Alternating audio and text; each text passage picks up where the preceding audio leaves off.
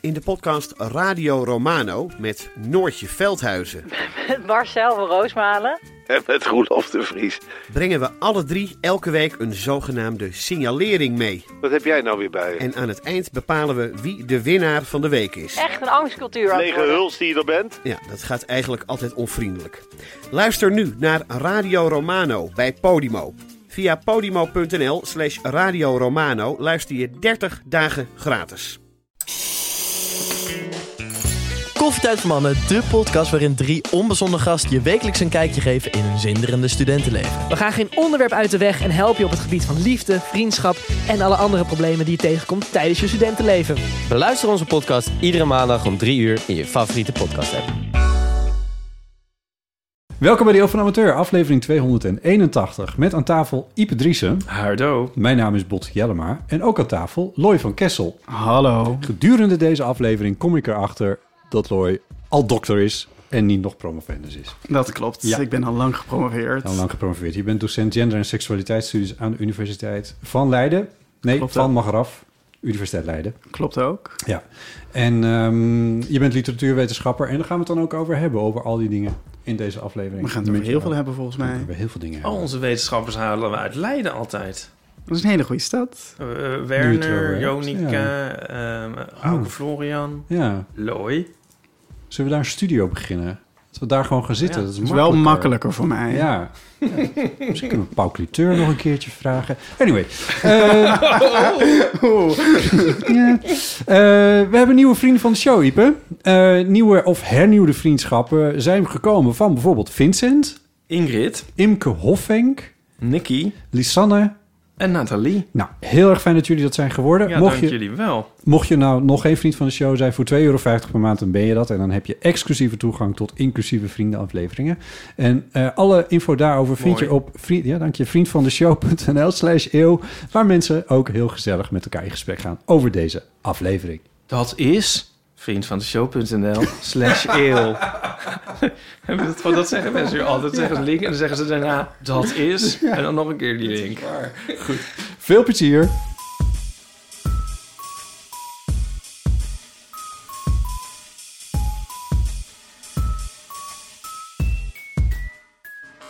Ik ga deze grap gewoon straks nog een keer Ja, dat zal maken. gewoon nog een keer nog een keer lachen. Ja. Maar ik wel, eh, ehm, Hier staat water Yes. en eh, nou ja, goed.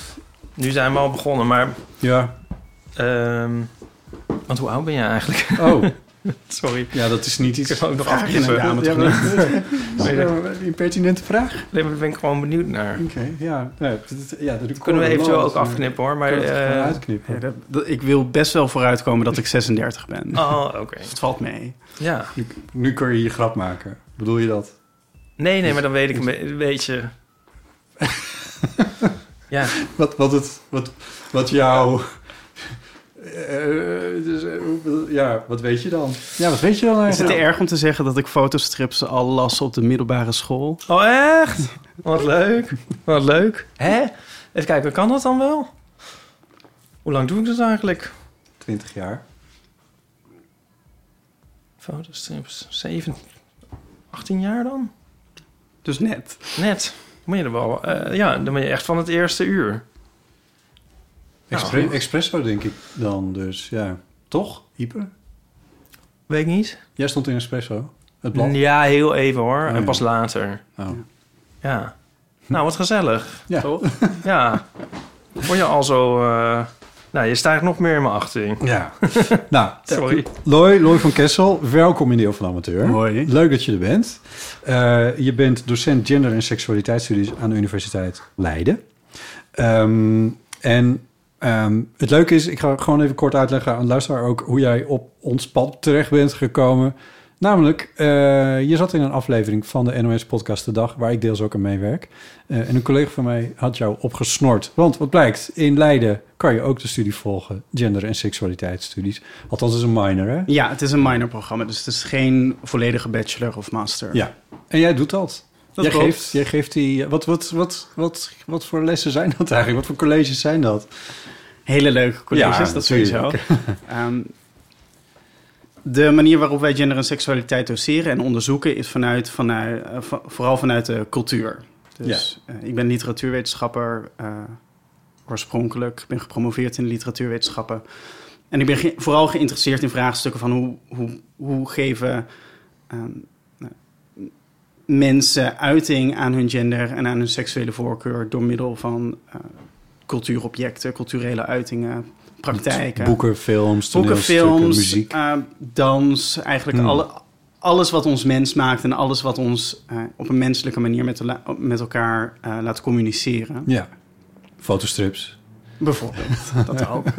Ehm, die behandelen we alleen niet in de lessen. Dus dat is toch een kleine omissie. Omissie, ja, precies, ja.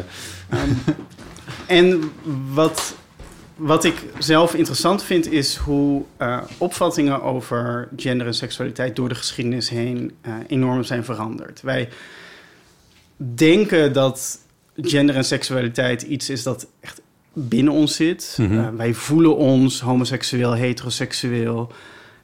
Maar die categorieën bestaan eigenlijk niet zo lang. En die zijn historisch ook heel erg veranderlijk. En als je naar de geschiedenis kijkt, zie je dat nou, in, de, in het oude Griekenland, in de middeleeuwen, in, tijdens de verlichting, er op hele andere manieren gekeken werd naar gender en seksualiteit. Van buiten naar de persoon zelf of vanuit het individu ook naar zichzelf? Dat hangt met elkaar samen. Ja. Ehm, je kunt jezelf alleen maar kennen door middel van taal en door de taal die je eigen is. Mhm. Dus als je geen taal hebt om nou ja, een, een, complexere, een, complexer idee te hebben van gender en seksualiteit, behalve oh, er is alleen maar man en vrouw en hetero en homo, ja, dan Mhm. kun je jezelf ook niet makkelijk op een complexere manier eh, zien.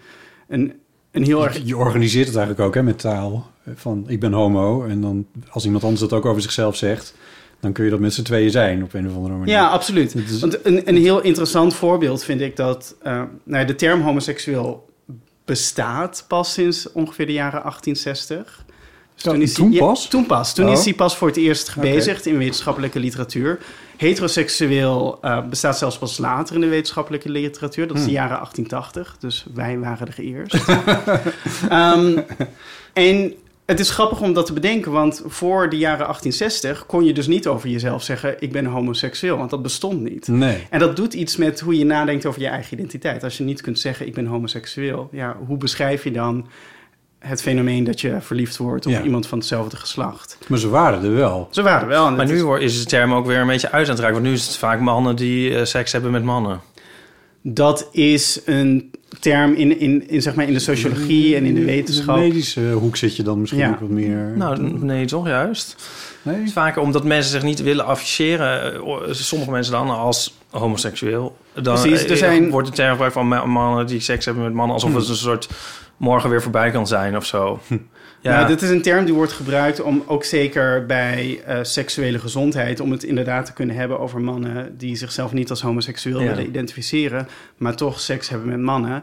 Als je dan campagnes opzet op de queer community of de homogemeenschap, dan, nou ja, dan zullen, Ja. zullen die zulke mannen niet raken. Dus je moet bij eh, campagnes over seksuele gezondheid gewoon anders nadenken en Ja. nadenken over hoe bereiken we iedereen die, nou ja, moet letten op seksuele gezondheid. Ja. Maar is dit, dit is ook iets wat in, in sociale Nou, misschien eh, zeg ik dat iets te stellig van de term is aan het uitraken. Maar Ja, Ehm nee, ik ben het helemaal met je eens hoor. Maar ik bedoel, voor- misschien dat ze dus voor 1860 zou je... Je kan natuurlijk met taal ook omheen praten. Maar als je eenmaal een woord echt specifiek ervoor hebt... dan wordt het meer een, ehm, in je hoofd ook een, een categorie. ja. Ja, Ja, klopt. en, en dus je ja. ziet ook dat nou, homo-rechtenactivisme zoals we dat nu kennen... Nou, redelijk snel daarna, sinds de jaren 1880, 1890... ehm, een beetje op begint te komen. Met, eh, met nou ja, een auteur als Edward Carpenter, die, die, eh, een Britse auteur en seksoloog... die eh, heel veel activisme al rond 1900 eh, voert. In die Duitser, waar, waar, waar eh, Schorer ook eh, les mee heeft gehad. God, wie was dat nou? Of in de, les is in de leer is Ja, geweest? je hebt Magnus Hirschfeld. Ja, dat was hem Ja. volgens mij. Ja. Ja, Of is het Mag- nog later? Nee, Mag- Magnus Hirschfeld, ja, ook van rond die tijd. Ehm, Magnus Hirschfeld is vooral bekend omdat hij in ne- 1919 eh, een eh, seksologisch eh, instituut heeft opgericht in Duitsland. Ja. dat vervolgens door de nazi's in 1933 werd opgeheven. Hm. Die foto van de boekenverbranding van de nazi's, dat zijn voornamelijk boeken uit zijn seksologisch instituut. En hij deed in zijn instituut echt baanbrekend onderzoek naar intersexe condities, naar transgender identiteiten. Hij is ook, of in zijn instituut zijn de eerste ehm, pogingen tot nou, geslachtsbevestigende of genderbevestigende operaties uitgevoerd. Ja. En dat is allemaal al in de jaren 20, 30. Ja, maar dat is dus iets later Dat is wel iets later, had. Ja, ja, precies. Oké. Ik moet trouwens ook nog aan vegetariërs denken als ik dit zijstapje heel erg mag doen. Want ik ken ook wel mensen die eh, geen vlees eten, maar dan niet vegetariër genoemd willen worden. Maar liever me- mensen dat, Flexitariër mensen of- dat geen vlees eet. Ja. Echt? Nou, nee, echt. Ja, nou niet. eh, maar zeg maar, ik eet geen vlees, maar ik noem mezelf geen vegetariër. Die, daar ken ik een paar mensen van. Maar ik weet niet, misschien omdat ze anders ook bang zijn in een soort activistische rol geduwd te worden Hmm. of zo. Snap je? Het is dan wel je praktijk, maar je wil niet eh, op de barricade ervoor. Misschien zit daar dan dat onderscheid. Ik vind het grappig. Ja. En, ja, nooit, jullie nooit, nooit Nee, gehoord? nee. Oh, nee. Ja, Eh, maar... Nee, sorry, verder. Ja, nee, en, en ik moet denken aan, aan Oscar Wilde van The Love That Dare Not Speak Its Name. Ja. Maar dit terzijde. Ik denk, ik gooi ook een naam erin. Wanneer, wanneer zei hij dat? Wanneer, wanneer leefde hij ook? Wanneer was dat? Ja, eind 19e eeuw, hè? Dat is eind 19e eeuw. Ja. Ja. Ja, oh, grappig. Ja. Nou ja. Dus dat categoriseren, dat is wel een van de dingen. Dat konden we dan op een gegeven moment. Ja, dat kunnen we op een gegeven moment. En, en eh, daar staat. Wat ik, wat ik doe dus in de minor is. Nou, een van de vakken die ik geef zijn de geschiedenissen van gender en seksualiteit. En dan hebben we het echt over van hoe hebben we door de geschiedenis heen nou op verschillende manieren gekeken naar gender en seksualiteit. En wat betekent dat? Hoe be- wat betekent het bijvoorbeeld dat we steeds meer leren over de biologie van seksen, van, van biologisch geslacht? Ja. Vroeger dachten we, oh, dat is, hangt alleen af van je genitaliën en je secundaire geslachtskenmerken. Steeds meer biologisch onderzoek laat zien dat heel veel van ons geslacht, of van wat, wat wij zien als biologische seksen, afhangt van hormoonspiegels en, en factoren en, en zelfs eh, neuraal, eh, neurologisch eh, bepaald kan zijn. En Dus niet per se dingen die je aan de buitenkant kan zien. Absoluut niet. En dingen die intern ook niet per se hoeven overeen te komen met de buitenkant. Dus Ja. je, je genetisch geslacht, dus wat je chromosomale geslacht is, hoeft niet per se overeen te komen met eh, je uiterlijke kenmerken. Dat Ja. komt voor bij vers- verschillende intersexe variaties. Ja, dus dit, dit is zeg maar een soort medisch-wetenschappelijke onderschrijving van wat transpersonen al heel lang weten. Ja, nou ja, absoluut. Dat, dat wat wij als ehm, gender zien vaak gewoon niet overeenkomt met eh, biologisch geslacht. En dan is er natuurlijk wel een groot verschil tussen intersexe variaties en Ja. eh, transgender personen.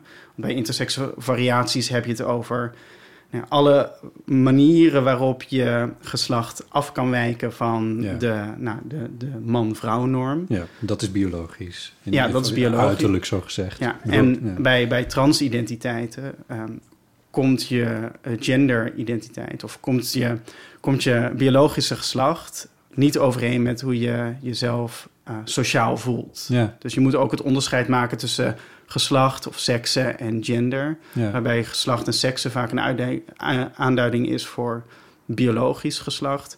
En gender ehm, is een aanduiding voor hoe we maatschappelijk en sociaal invulling geven aan dat geslacht. Ja. En dat gaat van nou ja, jongens moeten blauw dragen en meisjes moeten roze dragen tot... Wat nou, ooit ook de- was dan andersom was. dat was andersom. Dat is pas eigenlijk pas sinds de jaren 50, dus na de Tweede Wereldoorlog, Hmm. is dat. eh, Is dat echt waar? Ik Ja, dat moeilijk te geloven. Vind je dat moeilijk te Ja, geloven? moeilijk te geloven. Ja, ik heb dit al via zoveel Ja, bronnen al gehoord dat ik het, Het is, allemaal het is heel grappig. In, in de 19e eeuw bijvoorbeeld, als je naar nou ja, vroege babyfoto's kijkt... of naar schilderijen van baby's... dan hebben ze allemaal gewoon dezelfde saaie witte Dat, dat, jurk dat is aan. geloof ik, ja. En ehm, veel eh, nou ja, van die, van die huishoudboeken voor jonge moeders uit de jaren 20 en 30, die geven allemaal gewoon verschillende adviezen. En, en er zijn boeken die zeggen van ja, meisjes kun je beter in het blauw kleden, want dat is een veel zachtere kleur. Terwijl rood en roze en van die warme kleuren veel eh, assertievere kleuren zijn. Dus dat zijn veel meer jongenskleuren.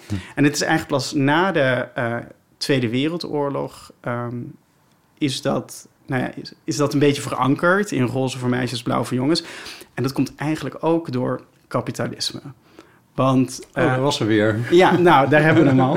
Ehm, Want het is omdat, en dit komt zoals heel veel, komt allemaal overwaaien uit de Verenigde Sta- Hmm. Staten. Maar na de Tweede Wereldoorlog met de boom van de jaren 50, eh, mensen worden welvarender. En wat gebeurt er als je welvarender wordt? Je krijgt kleinere gezinnen. Dus er werden minder kinderen geboren.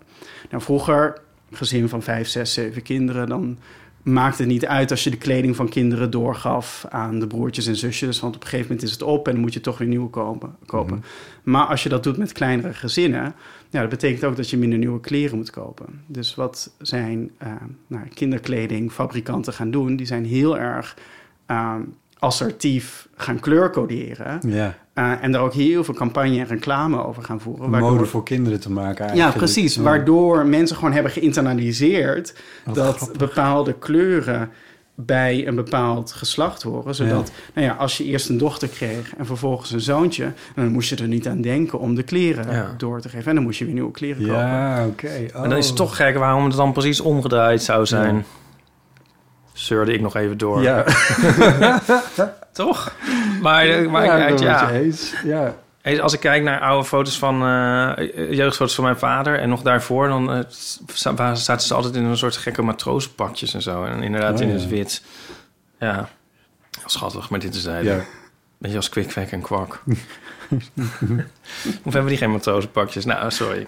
Eh, nee, dat is uh, Oom Donald is dat dan. Ja, Is het geleden Donald? Ja. Deze aflevering wordt mede mogelijk gemaakt door Kalefax. Paulien Cornelissen. Onze Paulien gaat optreden met de muziekgroep Kalefax Riet Quintet. Kijk Ipe, er staat al een filmpje op kalefax.nl slash Paulien. Mijn grootste ergernis, nou, een van mijn grootste auditieve ergernissen vindt plaats in de Jumbo. Ik heb dan eh, boodschappen gedaan. En dan komt er dus eh, een stem uit die zelfscankassa... die op de een of andere manier zowel opgeruimd als beschuldigend klinkt. Eh, een beetje zoals een invaljuf op de kleuterschool die zo zegt van... oh, wordt er hier niet opgeruimd? Nou, dan doe ik het zelf wel. In de concertreeks Paulien Cornelissen in Kalefaxland verdiept Paulien zich met het Rietquintet Kalefax in de overlap tussen taal en muziek. Dus zou je kunnen praten met een blaasinstrument? Nou, door de eeuwen heen hebben heel veel componisten al een poging gedaan om klanken uit de natuur, van dieren en van mensen om te zetten in muziek. Je hebt vast wel eens gehoord van het Carnaval der Dieren, Le Carnaval des Animaux van Saint-Saëns. Dat is een klassiek stuk uit de 19e eeuw. Nou, of ze dat gaan spelen, dat weet ik niet. Maar ze gaan wel van die voorbeelden laten horen. En ze gaan ook de vraag van de andere kant benaderen. Wanneer wordt taal muziek? Botten, wat willen mensen nog meer? Kalefax die eh, heeft in hun muziek invloeden uit de wereldmuziek, uit de jazz en improvisatie. Maar de basis is natuurlijk klassieke muziek. En dan dus deze keer een unieke samenwerking met onze eigen Paulien. De klassieke Paulien. Dus Paulien Cornelissen in Kalefaxland is van 7 tot en met 26 mei te zien in onder andere Naarden, Utrecht, Leiden en Amsterdam. Voor meer informatie en kaarten www.kalefax.nl slash Paulien. Ja, Kalefax met een C en met een X. Grote vraag is natuurlijk, gaat Paulien ook zingen? Dat weet ik niet, ja. Zou het? Door met de podcast. Want we hadden ik, ik, was al aan het uitleggen van, ja, je zat in de dag en in, in, in die podcast. En daar, dat was even een aanleiding, een actuele aanleiding voor. Toen ging je ook terug in de tijd. En dan hadden we het net nog even over voordat de microfoons hier aan gingen. En toen zei je van, jij ging terug naar de jaren zeventig. eh, om een vergelijking te maken. Nou, daar komen we zo wel eventjes op. Maar je zei ook van, ik wilde niet teruggaan naar de jaren 30 of de jaren 40. Ehm, want dat kun je ook doen, maar dan haal je er meteen wel weer hele dikke Godwins bij. Daar kwam het volgens mij op neer. Ja, dat, dat is het, het. Ja, klopt. Ehm, in, er is een reden om terug te gaan in de jaren 30. Als je Eh, wil kijken naar hoe er nu naar eh transgender personen wordt gekeken, hoe er nu over eigenlijk de hele eh, LHBTQ plus hoe daarover wordt gesproken en, de, en het nieuwe tegengeluid wat we daar met name vanuit Amerika op dit moment horen, daar zie jij een vergelijking mee met. Doe het nu dan toch maar even de jaren 30. De jaren 30, de jaren 50, de jaren 70. Het is een beetje zo'n iedere 20 Inderdaad, jaar ja. lijkt het eh, Ja, zich te in de jaren herhalen. 90 ging het misschien wel even lekker, maar ja. Ja, Ja, we- ontsprongen we even aan de dans. Ja, dat was het. Oké. Maar het is weer helemaal terug. Maar het, het klopt wel. De, je, je kunt vergelijkingen trekken. Wat er nu in de Verenigde Staten gebeurt met al die wetgeving die eh, eh, drag en trans en homoseksualiteit probeert te verbieden. Ja, er is één, één staat, Tennessee, die heeft eh, drag queens, drag queen shows. Ja, die wet is inmiddels al door een, een federale rechter in ieder geval op pauze gezet. Oké, ja. Dus, dat, is iets. scheelt. Ja. Maar dat is inderdaad een wet waarvan, nou, die stelde van je mag op publieke plekken waar kinderen aanwezig zijn, mag je niet in drag performen, want dat Ja. is pervers en, en je, Ja. je perverteert die kinderen Ja. en seksualiseert die kinderen. Lo en behold, vorig weekend, was, er, was het vorig weekend of het weekend daarvoor, was er in Rotterdam een bijeenkomst waar kinderen voorgelezen zouden Ja, dat worden. is, andere, dat is met Mama Queen. ja, door, door trans, of in Ja. ieder geval de, eh, de, door drag queens. En eh, Ja. daar werd meteen eh, vol op de trommel geslagen door, eh, nou, laten we het maar gewoon extreem rechts eh, noemen. Extreem rechts en grappig genoeg ook een conservatieve homobeweging. Ja, klopt. De ja. Roze. Ja, Ehm, ja. Die daar overigens met exact drie personen stonden, onder wie de voorzitter en de Volgens vicevoorzitter. mij bestaat die groep ook gewoon maar uit drie personen. Is net zoiets als gays voor Trump. Oh ja, Dat had je ook, zijn, ja. Dat zijn ook precies twee. Nou, daar zijn er wel wat van, maar dat je denkt van... Ja, denk even na of zo. Ja, nou ja. Ja. Hm. Het is een beetje fringe. Ja. fringe. Het is fringe. Een beetje Eh, fringe en cringe. is- Ja. Het is ook wel interessant om eh, nou ja, ook naar die stem te kijken. Van waarom zijn, ontstaan, nou staan er ook vanuit de homobeweging mensen op die zeggen van... oh, maar wij zijn ook anti-drag en anti-trans. Ehm, en, Ja.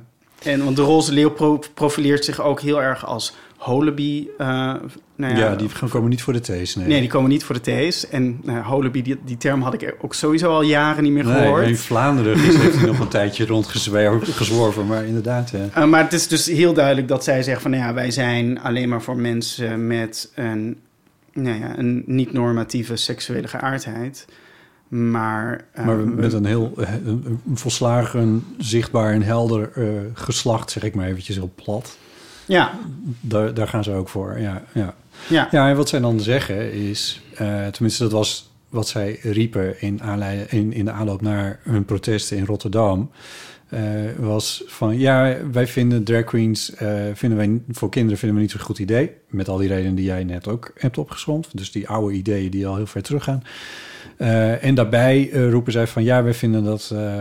eigenlijk komt het tekort gezegd op meer dat ze vinden dat homo's normaal moeten doen. Ja, want anders dan is de acceptatie van homo's, dat lukt nooit. Ze, zij doen mij dus heel erg denken aan de jaren 50. Hmm. Toen had je in de Verenigde Staten de Mattachine Society. Dat is een van de eerste homobewegingen in de Verenigde Staten, opgericht in 1950. En dat was ook een organisatie die had het over... Nou, wij homo's moeten ons assimileren. Dus homoseksuele, nou, homoseksuele mannen met name... die moeten ervoor zorgen dat ze goede banen krijgen... en een hele goede levens leiden... zodat we kunnen laten zien dat wij, net zoals hetero's... gewoon normale mensen zijn. Ja. Ehm, nou, daar is in de jaren 60 kwam daar steeds meer kritiek op. En, en zeker na de Stonewall riots. Omdat zo'n idee van, goh, ja, homo's moeten gewoon net doen als hetero's. Dat is maar voor een beperkt groepje homo's überhaupt mogelijk. Homo's die voor de rest niet op andere manieren gemarginaliseerd zijn. Dus nou ja, wij drie hier, ik neem aan cisgender, wit, man. Wij zullen ongetwijfeld eh, ons best kunnen doen om, om een beetje te, Te assimileren, blenden. te blenden. Ja, ja. Niet dat we daar behoefte aan hebben. Heteronormatief Nou, te gedragen. Nou, je, ik denk dat... eh, ik, ehm, er kan ook een soort fa- fase zijn waar je als individu doorheen gaat, zal ik maar zeggen. Oh, daar ben ik doorheen Oh, gegaan. Ja, ja, ja, ja. precies, ja. 100%. Ja, absoluut. Ja. En ehm, ja, dat is ook wel een beetje triest natuurlijk. Zo, als je daarop terugkijkt. Ja, dat vind ik niet zo leuk omdat eh, dat dat zo was. Maar dat was wel zo, ja. Ja. Ja, ik ben... In, in de eerste jaren dat ik uit de kast was, was ik echt tegen de, de, tegen de Pride Parade hier in, eh, in Amsterdam. Dat, eh, ja, dat vond Heb ik maar ook niks. gehad? Zo'n Ik, ik heb een beetje golfbewegingen doorgemaakt. Ja. Dus, dus toen ik op de middelbare school uit de kast kwam... was het eerst heel erg flamboyant. En alles moest kleurrijk en groot. En ook een beetje gothic zijn. Mooi. En, ja, leuk. ja, een En- leuke combi. Ja. Gothic en kleurrijk. En ehm, daarna, toen ik ging studeren, toen dacht ik heel erg van: oh ja, ik ga het vooral niet over eh, gay literatuur hebben en zo. Want ik wil niet die homo zijn die onderzoek doet naar homo dingen. Nou. Uh, nou, hier zit ik. dus dat is gelukt. um, nou, en later dus, toen, toen realiseerde ik me dat daar wel mijn passie ligt. En dat ik... Ja, dat, dat, dat ik, het je ook fascineert. Dat het me heel erg fascineert. Ja. En dat ik het belangrijk vind dat nou, mijn onderzoek gedaan wordt. Dat er onderzoek gedaan wordt naar hoe um, LHBTIQR-plussers literatuur maken, cultuur maken... En, en via cultuur en literatuur uiting geven aan hun identiteit. Ja. Uh, omdat dat nou ja, een manier is om ruimte te creëren voor dialoog in de maatschappij. Ja. Ik, ik, laten we nog heel even hebben over de jaren zeventig dan ook. Want dan hebben we, zeg maar, die, dat, dan hebben we het, het blokje uh, LGBT plus uh, haat hebben we dan even ge gehad. En dan kunnen we over de mooie dingen van het leven hebben. Uh, ja, maar, maar, mag ik dan nog één ding eerst? Want de jaren 30 wil je die er niet bij halen omdat je dat dan te deprimerend vindt? Of vind je de jaren 70 nou, een betere fit? Nou, het is hartstikke deprimerend, dat klopt. Uh, nee, je zei wel, al van... Het de milste beoordeling ja. die ik over de Tweede Wereldoorlog ja, heb gehoord. Nou, Botte maar... zei al van, ja, dan haal je gelijk een Godwin erbij. Ja. En, en dat is natuurlijk een beetje het probleem als je zegt, als je zegt van... Nou ja, we zien in de jaren dertig ook vanuit de nazi's een, een echt georchestreerde campagne mm -hmm. tegen homoseksualiteit. En tijdens de holocaust worden homomannen natuurlijk ook in concentratiekampen gezet. Dus er is heel veel reden om te zeggen van jongens, pas op. Ja. Uh, wat we zien gebeuren in de Verenigde Staten met al die wetgeving, dat is gewoon heel erg gevaarlijk. En voor je het weet, nou ja, zitten we weer terug in zo'n periode waar nou ja, mensen die gender nonconform zijn of, of niet heteroseksueel zijn, in de gevangenis gegooid worden. Mm -hmm.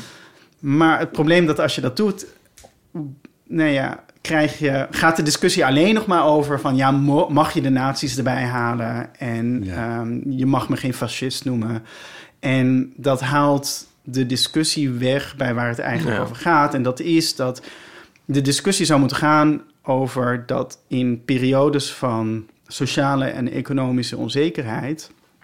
Um, nou, er vaak gezocht wordt naar boepersonen.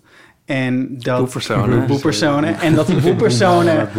uh, en, en dat, die, dat de geschiedenis ons leert dat die boepersonen heel vaak nou ja, transpersonen zijn, queer mensen, homoseksuelen.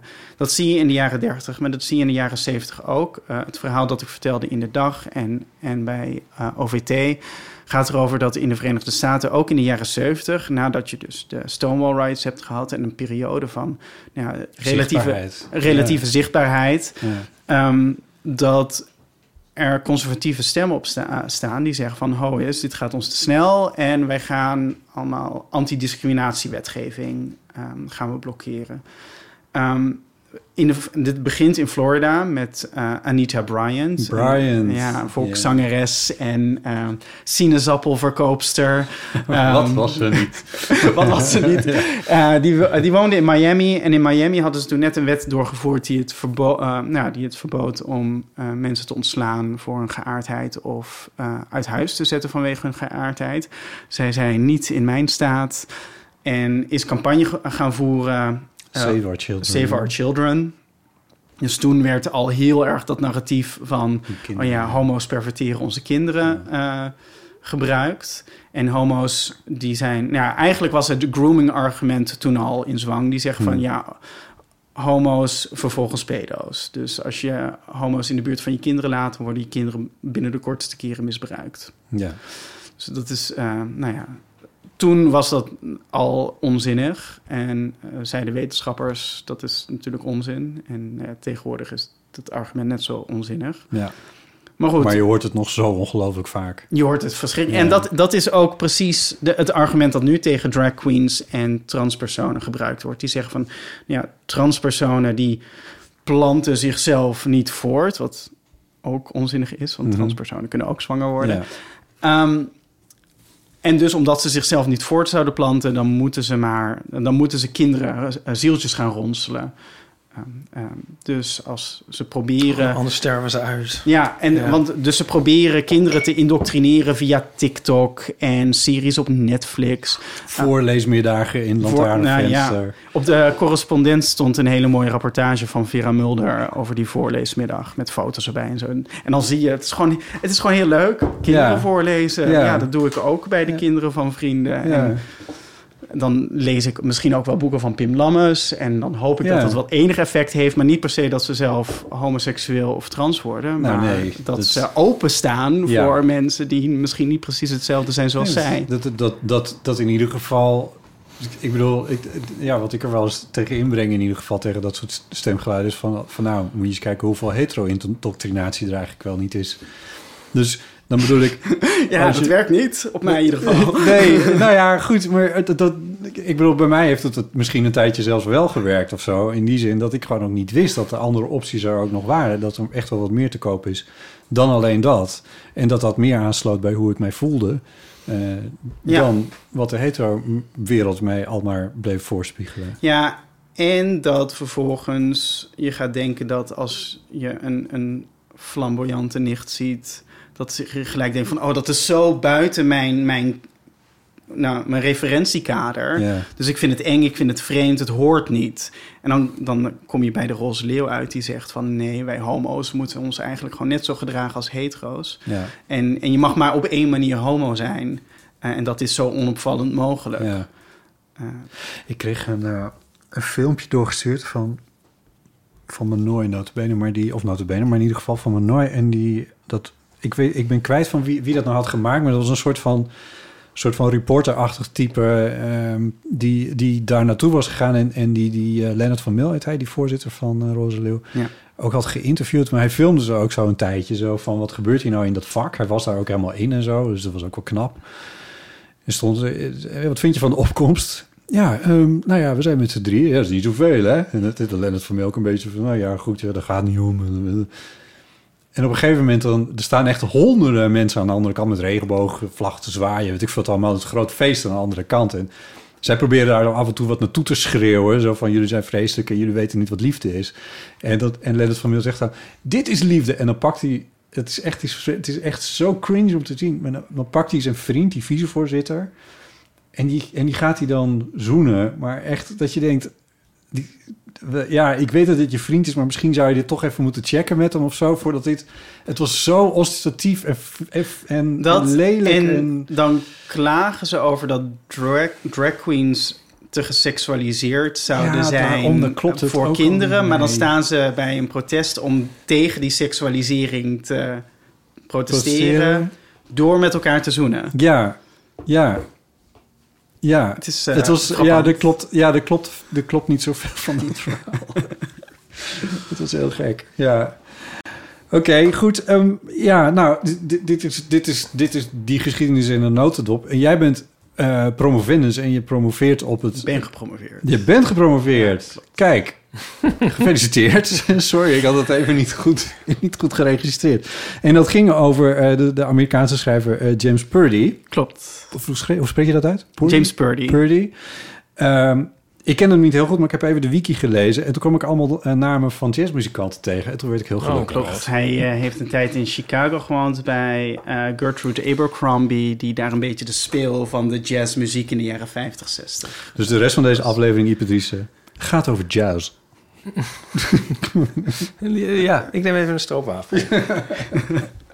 Nee, maar hij zat echt tussen de grote namen daar. Die, dat was echt wel indrukwekkend. Absoluut. Ja, maar goed, daar ging het bij jou niet om. Jou ging het om zo'n literaire werk, neem ik aan. Klopt, ja. Ja. Ik was vooral ge- gefascineerd in hoe hij over seksualiteit schrijft in zijn werk. Eh, Purdy debuteert in 1957, toen hij al in de 40 was. Eh, dus eigenlijk op uh, vergevorderde leeftijd.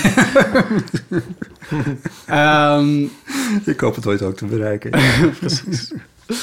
En eigenlijk al heel snel schrijft hij romans ehm, waarin hij zich heel erg verzet tegen categorisering.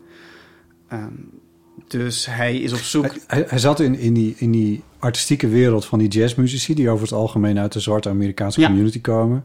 Dus daar, daar had hij dat al min of meer gezien. Maar hoe komt hij dan bij... Want hij was zelf niet per se homo, geloof ik. Jawel. Dat was hij wel. Oh, oké. Hoewel hij dat zelf niet zo zou noemen. Huh. Dus, Ik ja, kon het uit de wiki heel slecht opmaken, moet ik zeggen. Nou, Ja, nee, ja, goed. dus hij zou zichzelf geen homo noemen, maar hij leefde wel eh, af en aan met mannen. Hij heeft Hm. een, een, een lange partner gehad, ehm, jarenlange partner gehad. Maar waar, wat, wat hij eigenlijk in de jaren 50 en 60 al probeert in zijn literatuur, is op zoek te gaan naar een, taal waarmee we het over liefde en over seksualiteit kunnen hebben, Ah. zonder dat per se in hokjes te moeten stoppen. Oké. En dat fascineert mij. eh, om... Categoriseren zonder te categoriseren? Ja, of gewoon de claim liefde is liefde serieus te nemen. Oh, dat, hoeft oké. geen, dat hoeft geen eh, Huh. labeltje te hebben. Of je nou als man in een relatie bent met een andere man. Omdat labels kunnen ook heel erg, eh, nou ja, eh, beklemmen. Eh, zeker als labels eh, normatief gebruikt worden. Van oh, als je biseksueel bent, mag je je dat alleen maar op die manier uitdragen. Als je trans bent, ben, kun je maar op één manier trans Ja. zijn en anders ben je niet trans genoeg. Als, de, als de, de randen tussen de twee, de, tussen de, te- aan, de, aan de randen van de categorisering, als die heel scherp zijn en Ja. niet fluide kunnen bestaan. Ja. En in zijn literatuur verzet hij zich al heel erg daartegen. Hmm. Wauw, dat is meer dan 50 jaar geleden dat hij dat deed. 60 jaar, 70 jaar geleden. Bijna inmiddels, ja. Ehm, en ja, dat vond ik heel erg fascinerend, omdat heel veel van de discussie gaat in de, in de queer gemeenschap gaat over labels. Ja. En er is ook iets heel erg moois en bevrijdends aan label. We hebben het, labels, we hebben het daar straks al over gehad. Ja. Maar nou ja, als je een, een term voor hoe je je voelt hebt en andere mensen zeggen van, oh ja, dat is iets waar ik mij in herken, Ja. Dan kun je daar samen rondom organiseren. Ja. Dus daarom is het ook heel mooi dat we de plus hebben in LHBTQIA+. Want dat betekent dat we nog heel veel meer taal kunnen eh, ontwikkelen... waarmee we over allemaal verschillende en complexe gevoelens kunnen praten. Tegelijkertijd, zodra die taal bestaat, loopt, ja, loopt ook, eh, loop je het gevaar dat nou, die categorieën nou, verharden en, en vast worden... en En dat je nooit meer naar iets niet meer veranderd kunnen worden, ja. Ja, het werkt ook andersom inderdaad. Zoals... Nee, ik moet heel erg aan mijn studie denken. Dat we een, woord hebben voor li- lichaam en geest... en daardoor overtuigd van zijn dat dat twee eh, categorieën zijn... twee te, te splitsen dingen. Terwijl dat misschien geen vruchtbare manier is om tegen die zaken aan te kijken. Je geest is ook belichaamd. Ja. Hmm. Dat vind ik altijd heel interessant. Je lichaam is mijn geest. Maar je hebt al heel veel dingen waar een woord voor is, dus dan heb je het idee dat het in de werkelijkheid bestaat en ehm, daar komen mensen niet, niet los van, terwijl dat natuurlijk niet, niet zo hoeft te zijn. Taal is allemaal arbitrair. We verzinnen woorden en die woorden beschrijven een wereld. En vervolgens gaan we de wereld zien zoals die woorden eh, die wereld beschrijven. Maar die wereld was er al voordat we die woorden hadden. Ja, en die wereld is misschien veel complexer dan de woorden toestaan. eh, eh, Zeker. Om, eh, om te, of tenminste, die begripsvorming. Definities zijn een beetje vervelend. Ook wel maar handig. ook belangrijk. Dus Ja, het, is, dus het, is al, het is ja, een constant ja. eh nee, Maar ja, daar dacht- tussen... Daar dacht Prudy dus over na, Ja, over daar- dit, dit gegeven eigenlijk. Maar, en ging het hem dan ook voornamelijk over eh, eh, geaardheden en, en genders? Of ging het ook over, eh, ging het ook over rassen? En over, Zeker. Ja. Ehm, voor hem is ras ook iets dat de maatschappij doet. Ehm, dus de maatschappij die geeft, ja, oordeelt over eh, verschillen tussen mensen. En die verschillen kunnen gebaseerd zijn op gender, eh, op seksualiteit, kan ook op huidskleur. En ehm, die worden gecategoriseerd en ehm, nou, krijgen een positie in de maatschappij. En, Ja. en zo ontstaat ook discriminatie op basis Ja. van verschil. En voor Purdy, Purdy was zelf een witte man, maar eh, ja, komt inderdaad op in de...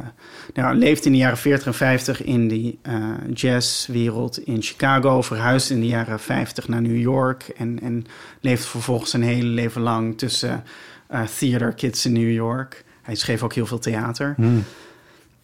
Dus hij heeft in zijn kring heel veel nou ja, mensen van nou, verschillende geaardheden en genderexpressies en, en etnische achtergronden om zich heen. En dus voor hem is ook eh, ras iets dat, ehm, dat geconstrueerd wordt door de maatschappij. Dat die verschillen eh, en, en de waardeoordelen die we eh, over die verschillen hebben, eh, arbitrair zijn, gevormd door taal, gevormd door hoe wij de maatschappij inrichten. Ja. Het, is, het is ook interessant aan, aan Purdy toen hij begon met publiceren. Dachten heel veel critici dat hij een zwarte schrijver was. Omdat hij heel veel. Hij komt zelf uit Ohio, gebruikt heel veel van die.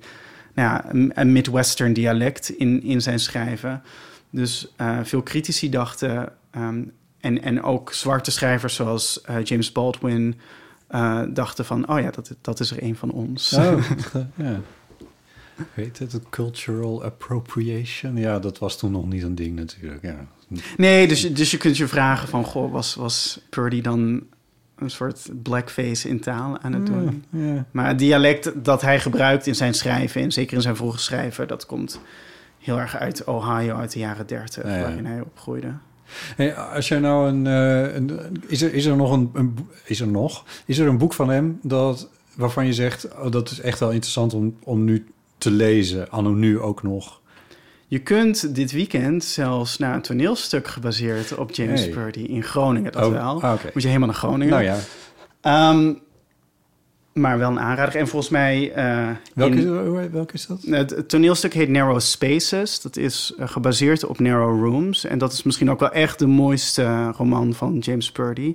Ehm, dat gaat ook toeren door het land. Volgens mij komt dat in mei in Amsterdam hier. Ja, kijk, Noord-Nederlands toneel. Nee, het is eh, Moon Productions. ehm, een productiehuis van Hendrik Aarts. Je weet er veel van, ben je erbij betrokken? Ik ben er wel bij betrokken. Ah. Dus het is een beetje reclame maken dit. Ja, mag best. Ja, zeker, ja. Wat gebeurt er in dat stuk? Nou, het is dus gebaseerd op eh, Narrow Rooms van James Purdy. En dat is zijn meest indrukwekkende roman. Ik heb die roman ooit nou, aan het begin van mijn studietijd van een vriend cadeau gekregen. En dat, Is het daarmee begonnen? daar is het mee Ah. begonnen. Ik, ik heb op een avond sloeg ik die roman eh, open. En eh, de volgende ochtend had ik niet geslapen, maar was de roman wel uit. Wow. Dat Ja. heb ik nou nog nooit in mijn leven gehad, maar dit Nee? zei. Nee, heb jij dat wel eens? Dat hoor je een paar mensen wel zeggen. Ik val Dat- altijd sowieso in ik slaap. kan dat ook helemaal te zien, maar het lijkt me wel een heel mooi... Het is een ontzettend romantisch idee natuurlijk. Ja, het is een hartstikke romantisch Ja, idee. ja. Heb je natuurlijk. dat wel va- vaker gehad of alleen met Ja, zeker hoor. Ik Oh, heb ja? dat wel vaker gehad. Ja. Ja, dan ben ik wel echt een literatuurliefhebber. Dat is Ja, ook wel. Helder, ja. Zit een beetje in mijn aard. Ja. Ehm, maar het is, het is een roman die speelt zich af in eh, West Virginia, in een klein dorpje. En het gaat over vier mannen die liefde voor elkaar voelen, maar niet goed weten hoe uiting te geven aan die liefde in die rurale context van West Virginia. Brokeback Mountain. Ja, maar dan voor Bro Brokeback net Mountain. zeggen, dat is wel eerder. Ehm, en, nou ja, en uiteindelijk is het, het is een hele tragische Niet roman. het einde verklappen. Het einde verklappen? Het is een tra- tragische roman. Het is een laten we het tragische daar roman, maar, oké. eh, begrijpen. Maar het, het, ja, de, de, de thesis van de roman is een beetje van als je geen ruimte krijgt in de samenleving om lief te hebben op, op de manier zoals je graag lief zou hebben, dan, nou, dan, dan grijp je naar ehm, nou, dramatische eh, eh, middelen Hmm. eh, naar, naar wanhopige middelen om, om toch met je geliefde samen te kunnen zijn. Hmm. Oh, dan ben ik toch wel benieuwd. Ja, Verraad dan benieuwd. toch maar de plot. nou, uiteindelijk, nou, het, het, een, een scène, het, de, de, de, de belangrijkste scène in de roman is dat ehm, twee van de personages, eh, Roy Sturtevant en eh Sidney DeLakes, dat zijn de twee centrale personages die hun hele leven lang eigenlijk al een soort kat-en-muisspel spelen, omdat ze eigenlijk nou ja, passie hebben voor elkaar, maar daar geen uiting aan durven te geven. En het eindigt met dat Sidney Roy tegen een schuurdeur aan vastnagelt. Hmm. Ehm, en het lijk van hun vroegere maar en inmiddels doodgeschoten minnaar opgraaft. En, en dan komt de politie erbij kijken en het is een kogelvuur en iedereen gaat dood. En, Oh, oh god. dus, eh, het, is, eh, het is een hele, ja, eh, bijna hysterisch gotische roman. Ja, ik zie jou nu zitten op je kamer die nacht. ja, het is wel echt een page-turner. Ja. Ehm, en ja, dus, dus het eindigt gewoon heel tragisch. Eh, en, om, en in de roman voel je ook gewoon die beklemmendheid van, van een, eh, nou een rurale, eh, een klein gehucht in een, in een, nou ja, een zuidelijke staat. Waar homoseksualiteit gewoon eigenlijk niet hoort te bestaan, bestaan quote-unquote. Hmm. Ja. Ben je nog steeds iets naartoe, Ipe? Dus luisteraars in Groningen. Ik weet niet wanneer deze uitzending aan. Ja, nou, wij kunnen in Amsterdam wel gaan. Als die Het openen komt, van het doek hangt er een pistool aan de wand. Ja. Eh, ik heb nog één belangrijke vraag daarover. Oh, nou, oh, over? Over het stuk. Over het stuk, oké, ja. Is er in het stuk jazzmuziek te horen? Jezus, is een beetje een grapje. Er, er zat in een eh, eerdere versie van het stuk wel wat Mozart in, maar dat is eruit gehaald. Ja, dat, beschouw Mozart niet Het echt is als geen jazz, hè, maar dat, dat is de, en- de enige muziek Oh ja. die echt gebruikt wordt. Ik zal me even via de band spelen. Ik dacht dat je ging vragen, zit er, zit er naakt in? Oh. Dat sowieso. Oh, oké. Bedankt voor het via de band spelen. Is het heel, tijd voor een heel korte detour? Want nu we het dan over boeken midden in de nacht uitlezen hebben... heb jij ook zo'n boek dat je eh, nog nooit gelezen hebt... dat je verwijtend aankijkt vanuit Hmm. een kast of een- vanaf een tafeltje... misschien al jaren met je meegaat... waarvan je denkt, dit moet ik echt een keer lezen. Alleen het lukt maar niet. Heel veel. Oh. Ik was even bang dat je zou zeggen van... Nee, ik Nee, absoluut. Ja, zo keek je wel. je hebt maar zoveel uren in een dag. Ja. En ik, nou ja, mijn vriend klaagt wel eens dat ik te veel boeken koop. En dan komen er weer boeken binnen via de post. En dan zegt hij van, kom je weer aan met je boeken. En dan moet ik weer oude boeken in een, in een mini-biepje stoppen... omdat de boekenkast vol is. ja. Maar is er ook een, is er eentje die eruit springt dat je denkt van... dat je een beetje geneert van... waarom heb ik die nou nog steeds niet? In de categorie Ulysses, zeg maar. Nou, die bijvoorbeeld. Nou, die heb ik ook niet in mijn kast staan, want dat, dat hoeft voor mij niet per se. eh, Mhm. niet zo per se. Wel eh Don Quixote van Oh ja. Cervantes. die, die staat al heel lang een wel beetje boos aan te kijken. Van Ja. ja, dit is zo'n klassieker. Maar ik ben een beetje gestopt met het mezelf verplichten zulke klassiekers te Mhm. lezen. Want een paar jaar geleden dacht ik van... Goh, ik, ik specialiseer me ook in Amerikaanse literatuur. Dus ik moet veel Amerikaanse literatuur kennen. En wat is nou zo'n grote klassieker uit de Amerikaanse literatuur? Moby Dick. Hmm. Dus ik denk, ik ga in de zomer, pak ik Moby Dick erbij en ik ga het eens lezen. En ik ben ook zo iemand die, nou, als ik eenmaal in een boek begonnen ben, dan moet ik het ook uitlezen. Ik kan, niet, ik kan, gewoon, Ja. ik kan er me niet toe brengen om een boek halverwege eh, eh, weg te leggen. Dus Moby Dick, dat zijn echt de twee verschrikkelijkste maanden uit mijn leven geweest. Echt? Ik weet alles over scheepsknopen leggen en hoe Oh, eh, walvisblubber op zee Oh, weg te snijden en zo. Maar het is zo'n oerzaai boek. Oh, wauw. Ehm Ik ben nooit verder gekomen dan de eerste zin. Call me Ishmael. Ja. Oké.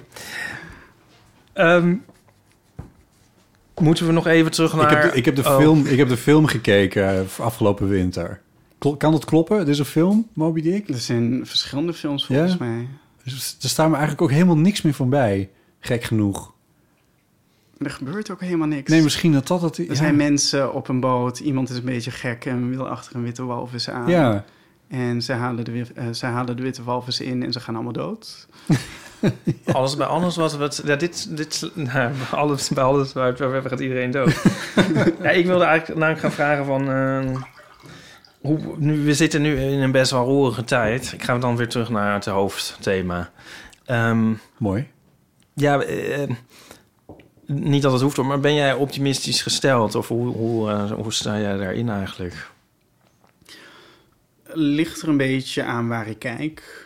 Ehm, als ik kijk naar de politiek, dan ben ik niet super optimistisch gesteld. Omdat ik zie dat steeds meer eh, nou ja, anti-trans en anti-gay retoriek eh, via FVD en PVV en Haga eh, de Tweede Kamer binnenkomt. Ehm, en, en, en zeker rondom de, de transwetgeving, waar er echt desinformatie verspreid wordt door politici over dat de nieuwe transwetgeving zou betekenen dat we ineens en masse uh, genderbevestigende operaties gaan uitvoeren op minderjarigen, wat niet waar is. Het traject naar genderbevestigende operaties is heel erg lang en het is voor transpersonen heel erg belangrijk om sociaal en legaal in transitie te kunnen gaan zodat ze al kunnen leven naar hun gender. Ja. En, en voor heel veel transpersonen is, is nou ja, uiteindelijk de... Maar dit is, dit is zo'n zo nagenoeg onuitroerbaar, onuitroeibaar idee... wat leeft bij opiniemakers en bij enkele politici inderdaad ook. Het is zo raar dat ik denk van als je er nou gewoon over leest... Ik, en, ik ben wel eens in discussie gegaan met dat soort mensen via, via toen ik nog twitterde. Oh, wow. Maar, dat, nou ja, je, je probeert dus wat, maar... eh, dit, je, je, ja, je kan niet per se het platform daarvoor. Nee, want nee, maar ze zijn gewoon ook niet geïnteresseerd. Ze hebben daar zelf een idee over gevormd en, en dat is het dan. Ze zijn niet geïnteresseerd. Ik bedoel, ik, ik, ik heb toen ook letterlijk aan zo iemand gestuurd van... ja, hier, dit is de website van de VU waar alles op staat. Het hele traject. Ze schrijven er extensief over, over hoe dit in elkaar steekt. Hoe ze dat daar doen, wat het, wat het traject is in het hele rattenplan. Maar ik heb er ook meteen bij gezegd van ja, je gaat het toch niet geloven. Maar ik zei, dit is wel hoe het Ja, gaat. als je, en als je daar kijkt, dan zie je van dit gaat niet over één nacht ijs. Nee. betekent niet dat ineens eh, allemaal twaalfjarigen onder het Nee, gaan. en dan- het betekent dat, dat minderjarigen gewoon al sociaal en legaal naar hun gender kunnen leven. En dat is heel erg belangrijk Ja. eh, voor mensen die dagelijks worden geconfronteerd ehm, met het feit dat wat er in hun paspoort staat of op hun ID-kaart staat, niet overeenkomt met eh, hoe ze zich presenteren in de wereld. En, en dat levert gewoon heel veel ongemakkelijke en nou, traumatiserende en soms Ja. gevaarlijke situaties op. En dit soort dingen staan gewoon in opiniestukken in de Volkskrant, in NRC. Ja. Het is, Ja. ja, ik, ik, ik verbaas me daar toch, toch over Ja. dat dat soort kranten dat gewoon maar afdrukken. Ja, en redelijk kritiekloos onder het mom van, nou ja, eh, iedereen moet maar kunnen zeggen Ja, wat hij vrijheid wil. van meningsuiting. Eh, Oké, dus daar ben je, dat, dan ben je negatief. Ja. Nou, ik ben positief als ik kijk naar mijn eigen studenten. Eh, ja, absoluut. Wat ik heel mooi vind, is dat de discussie rondom gender en seksualiteit eh, onder stu- studenten gewoon echt heel erg eh ver gevorderd is. En als ik dat vergelijk met hoe, nou, toen ik zelf studeerde, toen, nou ja, toen, toen hadden we woorden als non-binair eh, niet. toen spraken we niet over cisgender. Ja. Ehm, dus we hadden heel veel taal niet, die we nu wel hebben. En die ons denken over gender en seksualiteit heel erg ehm, eh, nou hebben verrijkt. En dus als ik nu college geef, dan, dan zie ik dat mijn studenten die debatten al veel meer voeren. En ik zie dat, en, en heel veel onderzoek wijst ook uit, dat nou, de, de Gen Z-generatie zich veel meer eh, als queer eh, identificeert dan millennials en Gen X daarvoor. En dat is ook gewoon omdat mensen de taal hebben waarmee ze eindelijk eh, nou ja, hun eigen complexe gevoelens eh, Ja. eh, een naam kunnen geven. En, en dan veel makkelijker daarvoor uit durven komen. In podcast de dag werd je ook nog gevraagd naar wat, wat gebeurt er verder. En toen begon je over activisme. En dat vond ik ook wel een heel mooie. Dat je daar, ja, als we het hebben over die, die, die nare beweging die we vanuit de VS zien... met dat hele narratief tegen alles wat ook maar een klein beetje op een regenboog lijkt... of op de transvlag. Ehm, dan, toen zei jij daarover van, je ziet een tegenbeweging nu. Je ziet meer activisme.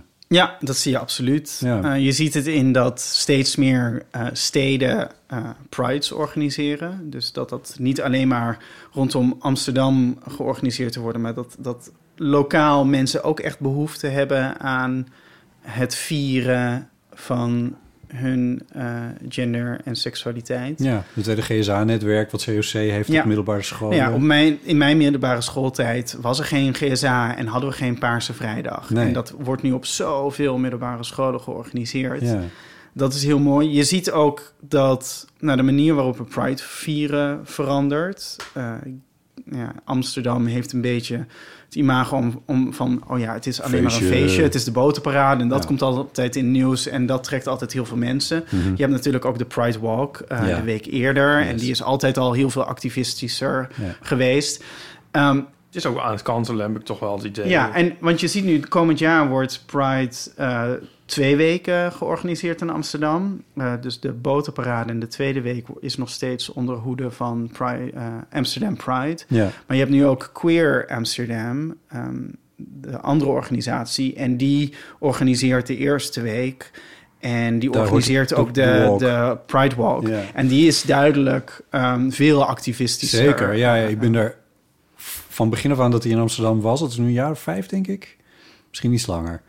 Eh, ben ik er ieder jaar mee geweest. En ook regelmatig met de microfoon van... Dus dan hebben we Ja. in de podcast een soort van verslag van gedaan, eh, zal ik maar zeggen.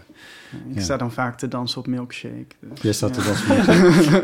Dit was het ding. Dit was vorig jaar toch ook zo Nou, bij wij hebben jou? een stukje meegelopen. dacht ik, hè, gaan we nog een hoek om? Nog een hoek? Hè? Gaan Ik we moet helemaal, milkshake. Moeten we helemaal naar de wateringcircuit? Ik moet naar milkshake. Toen zijn we weg, Het is weggegaan. toch ook stom hoe dat... Nou ja, daarom is het niet meer goed dat het twee weken is. eh, Ja, misschien precies. ook. Ja, toch, een, ja. toch een eindje meegelopen. Maar zie, zie jij een soort individuele verantwoordelijkheid en ook heb je, denk je van, ehm, ehm, nou dat eigenlijk. Moet, moet iedereen met de Pride Walk meelopen? Nee. nee, natuurlijk niet. Het is, en het is ook absurd om van eh, mensen te verwachten dat ze activistisch zijn. Mhm. Ehm, iedereen zou dien zijn eigen, nou ja, eigen leven moeten kunnen leiden. Als je jezelf geroepen voelt om de barricades op te gaan, ja, graag. Maar niet iedereen hoeft dat. Nee. Ik vind het voor mezelf heel erg belangrijk dat ik mezelf uitspreek. Eh, zeker omdat ik, nou ja, ik doe er onderzoek na. Dus ik, Ja. Ja. ik kom er wel, nee, ik heb er veel Universitair docent, et cetera. In de media Ehm, optreden hierover. Ja. Ja, tegelijkertijd moet je ook de vraag stellen van in hoe activistisch moet of kun je zijn als universitair docent in eh, het klaslokaal. Ehm, ja. Kijk, ik heb redelijk sterke politieke opvattingen en het is natuurlijk niet per se de bedoeling dat ik eh al mijn studenten ga vertellen wat hun opvattingen zouden moeten zijn. Uh, maar ik kan natuurlijk wel een lans breken voor um, gender en seksuele Ja. diversiteit en dat onderbouwen met, met wetenschappelijk onderzoek. Um, en ik weet ook dat ik uh, nou ja, vanuit een positie van privilege spreek. Ik ben wit, cis, uh, man, middenklasse. Dus ik, ja, ik heb een heel goed leven en dan vind ik het juist belangrijk dat ik, als ik mensen gemarginaliseerd zie worden binnen mijn eigen gemeenschap, Ja. dat, ik, dat ik me dan daarvoor uit kan spreken. Uh, voor de transpersonen, voor de, de, de LHBTI'ers van kleur. Ja. Manoy, ik leg jou straks wel eventjes uit wie dat precies is. Maar die heeft, die heeft mij iets geleerd daarover enige tijd geleden. Ik ben kwijt wat de term nou precies is, maar misschien herken je het wel. Uh, want wat, wat je nou net zegt, van moet je voor de klas nou eigenlijk... Daar kun je, of voor de klas, jezus. In college kun je daar nou... In hoeverre moet je daar nou activistisch zijn? En eigenlijk kan dat niet. In de journalistiek speelt die discussie eigenlijk ja. natuurlijk ook. Manoy vertelde mij van ja, wat je dan ziet is... Um, uh, dat er in de media bijvoorbeeld een evenwicht wordt gezocht. Hè? Dus je, je hebt dan uh, het geluid van, laten we zeggen, LHBT plus uh, activisten. En daar wordt dan bijvoorbeeld zo'n roze leeuw tegenover gezet. Um, en um, als je dan met het idee vanuit de journalistiek bekeken, als, als journalistiek hoor, wederhoor. hoor, wederhoor ja. waarmee je ze eigenlijk allebei uh, hetzelfde podium geeft en ze allebei even belangrijk maakt. En uh, Manoy legde me uit van, ja, maar daarmee verschuif je dus eigenlijk het, het venster op de wereld helemaal naar de kant van de, uh, dus eigenlijk het normaliseren van, van de ideeën die, uh, zoals uh, de Roze Leeuw dan bijvoorbeeld heeft. Mogen homo's dan niet conservatief zijn? Ja, dat mogen ze wel zijn. Maar als jij een verhaal gaat houden zoals zij doen... over van je moet eigenlijk terug de kast in... want dan komt het eigenlijk op neer... en je moet je mm. heteronormatief gedragen. Ja. Daar is al zoveel over geschreven... dat dat geen goed idee is. Dat het mensen onderdrukt... en dat dat um, uh, ook een negatief effect heeft op... als je daar je jeugd mee gaat opvoeden met die ideeën... van doe maar normaal en gedraag je als homo... maar gewoon zoals, uh, zoals iedereen dat hoort. Als je je daar niet lekker bij voelt... dan moet je weten dat er ook nog iets anders te koop is. Dus als je dan dat, dat gaat normaliseren, dat hele idee... dan verschuif je het hele mediavenster voor de argeloze kijker naar talkshows of luisterend naar radioprogramma's, verschuif je naar precies de kant van de roze leeuwen eigenlijk. Weet je hoe dat fenomeen heet? Ik ben het kwijt. Ja, Manoy zit nu te schreeuwen eh, o- o- eh, om zijn koptelefoon, zal ik maar zeggen. Ja, nou goed. Maar dit, dit spreekt fenomeen... hij wel een berichtje in, toch? Eh, ik hoop dat eh, ja, Ja, vals. Nee, ja, dit heeft... Ja, ik ben het kwijt. Nou goed, dit, dit, dit zoeken we op, komen we de volgende keer op terug. Je legt het wel heel goed uit. Dank je. Het punt, het punt is gemaakt inderdaad. Zo van, ja, daar zit je... Voor, ik denk dat je er in college ook mee zit. Van, ja... Je, ik bedoel, je moet wel vertellen... Of je moet, je moet helemaal niets. Maar je kan wel vertellen wat de punten zijn die FVD, PVV, Van Haga... Zelfs CDA, VVD eh, af en toe proberen te maken. Maar je kan daar wel meer tegenover zetten... dan van dat is een geluid wat even zwaar weegt... als het geluid waar al zoveel studie naar is gedaan... namelijk in de gender- en seksualiteitsstudies. Ja, nou ja, en dat is in uh, collegezalen sowieso het geval. Wat je vertelt moet wetenschappelijk onderbouwd zijn. Het kan niet zomaar Ja. gebaseerd zijn over, nou ja, die groep, die politieke groep heeft een mening. Of die politieke, ja, die politieke groep is van mening dat je alleen maar man-vrouw hebt. Uh, ja, Ja, ja daar, heb, dat heb je helemaal in het begin al uitgelegd... dat dat complexer is dan dat. Ja, en, en ja. dus dan kan ik in mijn colleges kan ik zeggen van, nou ja, wetenschappers laten zien, biologen, psychologen, een hele trits aan verschillende disciplines hebben inmiddels al dat idee van een binair gender, uh, nou ja, en ook een binair geslacht, uh, zeg maar, nou, Ja. ja, ontkracht. Ja, ja. Dus dat geslacht en binair veel meer als spectrum gezien zouden moeten worden. Dus inderdaad, ik, nou ja, dus binnen mijn colleges doseer ik natuurlijk wel wat wetenschappelijk onderbouwd is. Dus ik ga het hebben over al die verschillende Ja. uh, geslachten. Ik ga niet doseren over Laurens Buis die non-binair niet is bestaand gevallen, vindt en uh, gevaarlijk vindt. Ja, ja, ja, ja, ja. Ja, ja. Ja, die is wel... eh, nou goed, daar hoef ik niet over te hebben. Nee. Maar eh, ja, dat is me wat. Ja. Dat is me wat. Zou jij... Ja, ik bedoel, Ja, wat moet je daar ja, nou over nee, dat zeggen? komt heel goed. Ja. Ik echode je gewoon. Zou jij...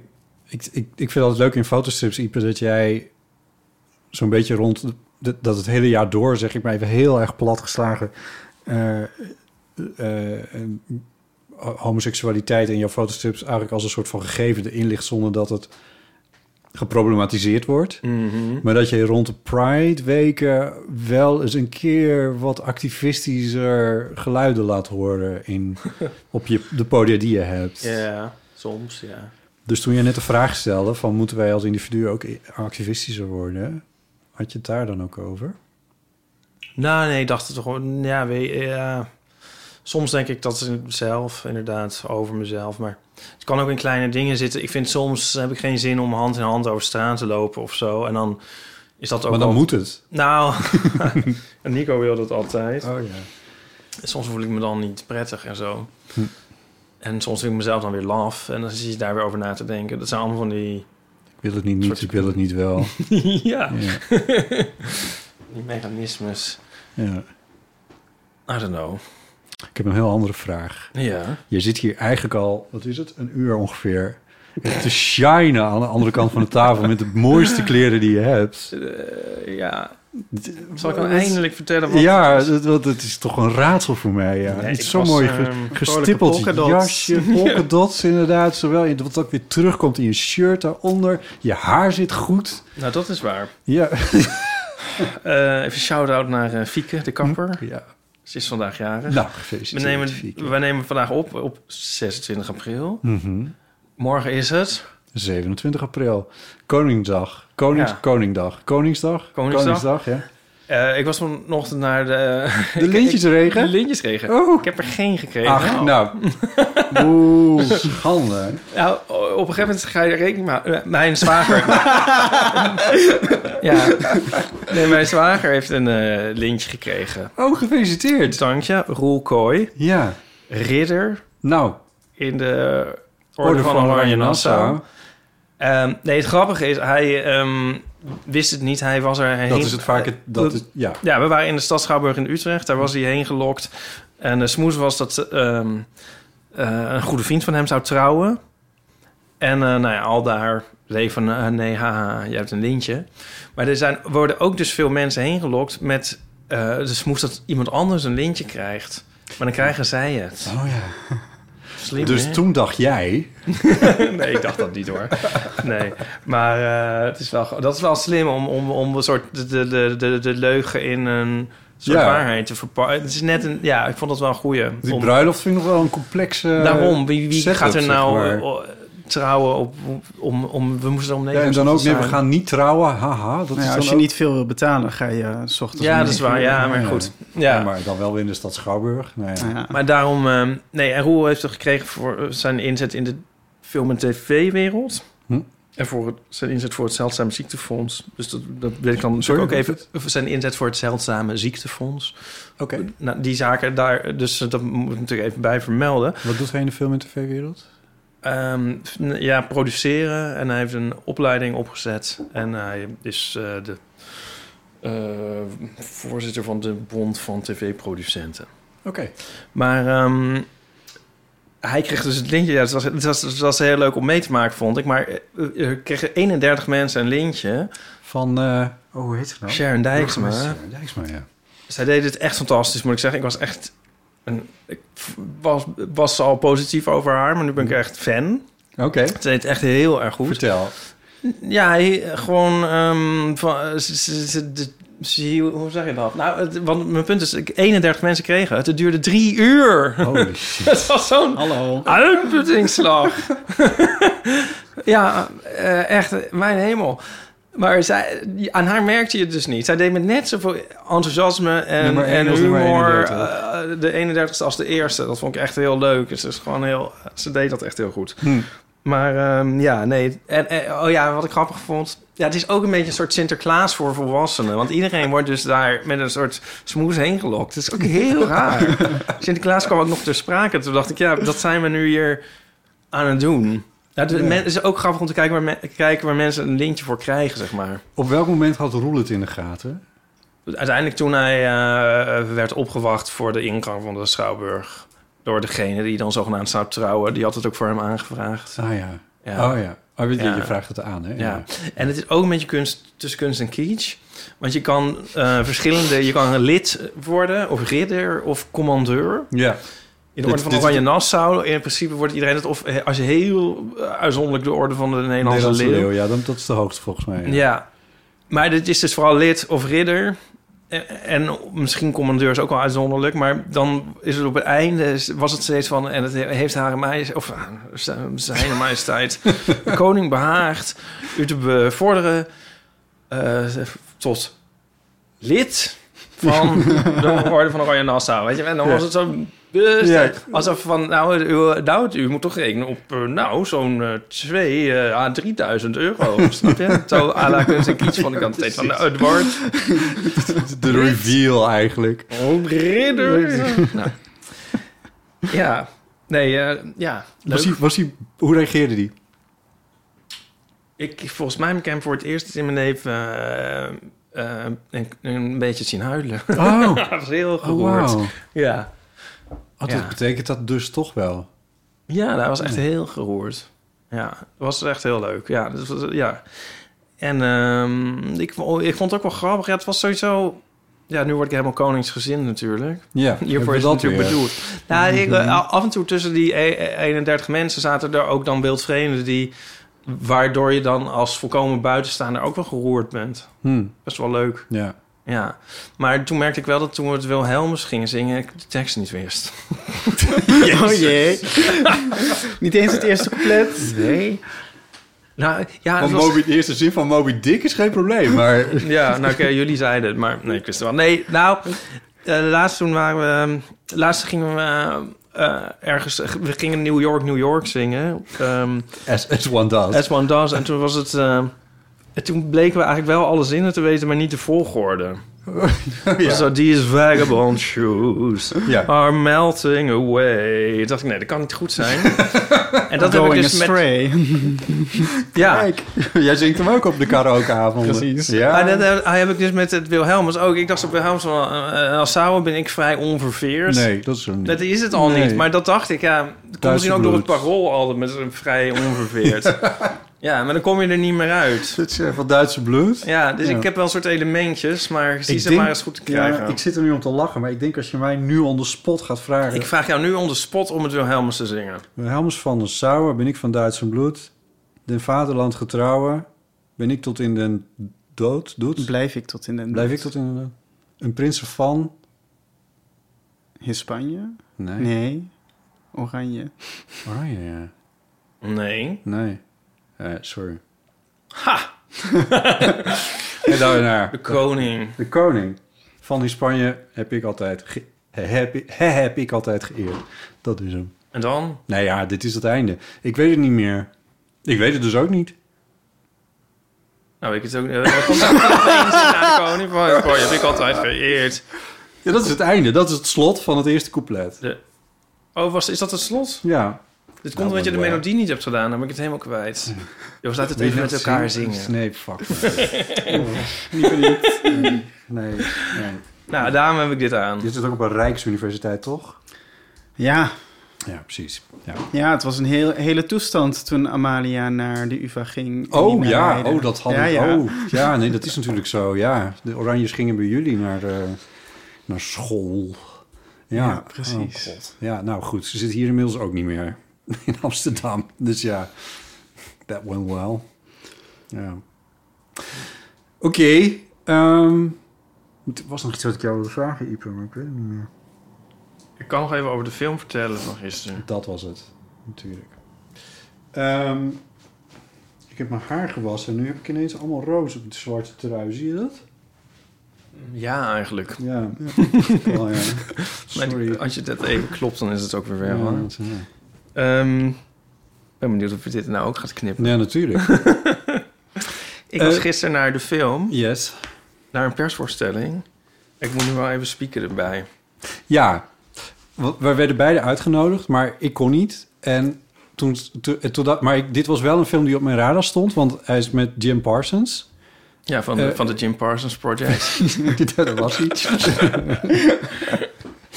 Eh, van, eh, ehm, eh, van de Big, Big Bang, Bang Theory. Een van mijn favoriete series. Ehm, en ehm, eh, ik zag de titel van die film en toen moest ik aan de... Aan de ik, maar ik weet hem niet meer, maar ik dacht wel... Oh, dit, dit is ook... Dit lijkt erg op de titel van de film van Aaron. Goodbye Stranger. Maar de titel Nou, de film is... heet Spoiler Alert. Ja, in mijn hoofd... Wat een grappige naam voor een Spoiler film. alert, ja. Zal ik een spoiler alert uitdelen voor Spoiler Alert? Want je gaat spoileren. Nou, ik volgens mij niet. Nou, kijk, de film is gebaseerd op een boek. Het is een LHBT Ja, ja, ja. film, ja. ja. En ehm, we kunnen het ook ehm, even aan het, aan het voorgaande knopen... aan, aan, aan ehm, Narrow Rooms misschien, van James Purdy. Maar het, het is gebaseerd op het boek en de, de volledige titel van het boek... die ga ik dan zeggen, maar dat is dan een spoiler alert voor de film. Maar de, de volledige titel van het boek is Spoiler Alert... The Hero Dies. Hoop ik het nou goed zeg. Oké, dit, is, dit is een derde culturele uiting waar we het over hebben... waar iedereen Ja. uiteindelijk... Nou, goed, Ja. oké. Ehm, maar volgens mij is het niet echt een spoiler alert voor de film, want dat zie je in het begin. Het begint met een flash forward. En dan. Dus het is eigenlijk niet echt een Nee, spoiler dus het Ik weet dus niet waarom ze die titel niet helemaal bouwden hebben. Misschien vonden ze het niet snappy. Het reizen is het doel. Ja. Ehm, en het is gebaseerd op een boek van. ehm, dus een autobiografie eigenlijk van Michael.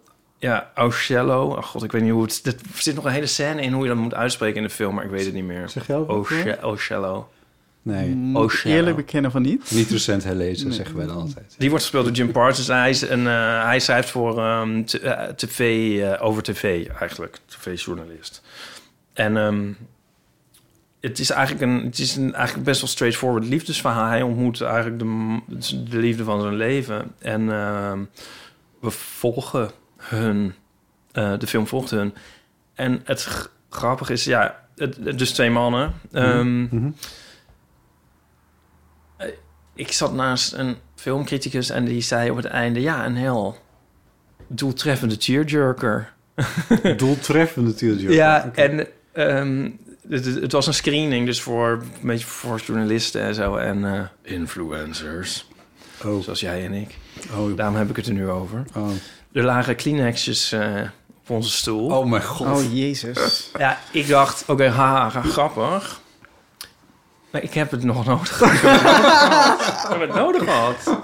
Ja, maar het is wel grappig. Ja, ik vind het niet fijn als er op mijn emoties heel erg... als er dus heel erg aan ehm, getrokken wordt. Ja. Maar ja, ik ging nu toch wel voor de bel, moet ik zeggen. Hmm. Het is dus een heel goede film. Doeltreffend. Het is doeltreffend. Nou ja, ik vond de film indrukwekkend. Ja, ik merkte, je voelde dat de hele zaal ging ook om. Hmm. Ehm, nou, de film is heel lang heel grappig en, en mooi. En ik, ik, ik, vond het gewoon, ik vond de karakters heel goed uit de verf komen. Hmm. Dus je, je ga, ik, vond, ik ging wel van ze houden. Je, je voelt heel erg met ze mee. Eh, en de film is heel lang heel geestig. Dus als het dan minder goed gaat op het einde, ja, dan is dat niet zo leuk. Nee, Dus ja. dan is dat best wel aangrijpend, ja. Ah. Of je dat nou wil of niet. Maar ik, ik, ik, heb dan soort twee gedachten had ik in mijn hoofd. Want ik heb het een keertje hier over Brokeback Mountain gehad. En toen zei ik van ja, als je die film... Als het zou gaan over een hetero-koppel of zo... dan blijft er eigenlijk heel weinig over. Dan wordt het een beetje belachelijk. En dat zat ik hier ook een beetje bij te denken bij deze film. Hmm. Snap je? Van, dan is het eigenlijk zo'n raar...